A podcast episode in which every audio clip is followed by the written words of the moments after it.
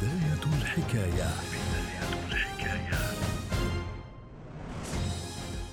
الثالث من نوفمبر 1839 تعلن بريطانيا الحرب على الصين فيما عرف بحرب الأفيون الأولى. تستمر الحرب حتى عام 1842 عندما يهزم الصينيون ويضطرون للسماح بدخول الأفيون إلى أراضيهم ويسلمون هونغ كونغ إلى بريطانيا. لكن هذه ليست بداية الحكاية. في منتصف القرن التاسع عشر كان التوسع الاستعماري الأوروبي في أوجه مستغلا النهضة الكبيرة وفائض الإنتاج الذي خلفته الثورة الصناعية. وتقف بريطانيا في المقدمة مستغلة قوة عسكرية كبيرة وأسطولا بحريا جبارا تشمل مستعمراتها بلدانا في قارات مختلفة. ولكن ليس من بينها الإمبراطورية الصينية التي تحكمها سلالة تشينغ. ترغب بريطانيا في فتح أسواق الصين أمام منتجاتها ويطلب الملك جورج الثالث من الإمبراطور الصيني تشان لونغ توسيع العلاقات التجارية بين البلدين. لكن الإمبراطور الصيني يرد بأن إمبراطورية الصين السماوية لديها ما تحتاجه من السلع وليست في حاجة لاستيراد سلع أخرى.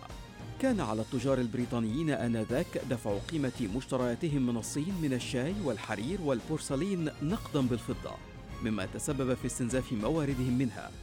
وتلجأ بريطانيا إلى استخدام شركة الهند الشرقية التابعة لها والتي كانت تحتكر التجارة مع الصين إلى زرع الأفيون في المناطق الوسطى والشمالية من الهند وتصديره إلى الصين كوسيلة لدفع قيمة وارداتها للصين.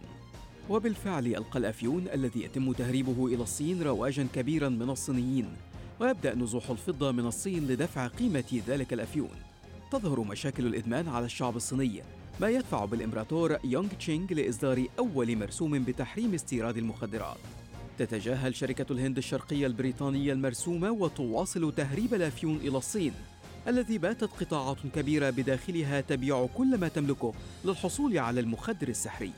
يصدر الإمبراطور الصيني قرارا آخر بحظر استيراد الأفيون ويذهب ممثل الإمبراطور إلى مركز تجارة الأفيون ويجبر التجار البريطانيين والأمريكيين على تسليم مخدراتهم من الأفيون الذي بلغ ألف طن وأحرقه في احتفالية كبيرة.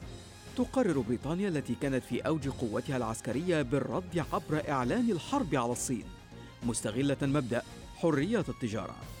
كان النظام العالمي آنذاك يقوم على مبدأين هما حرية التجارة وما عرف بدبلوماسية السفن المسلحة.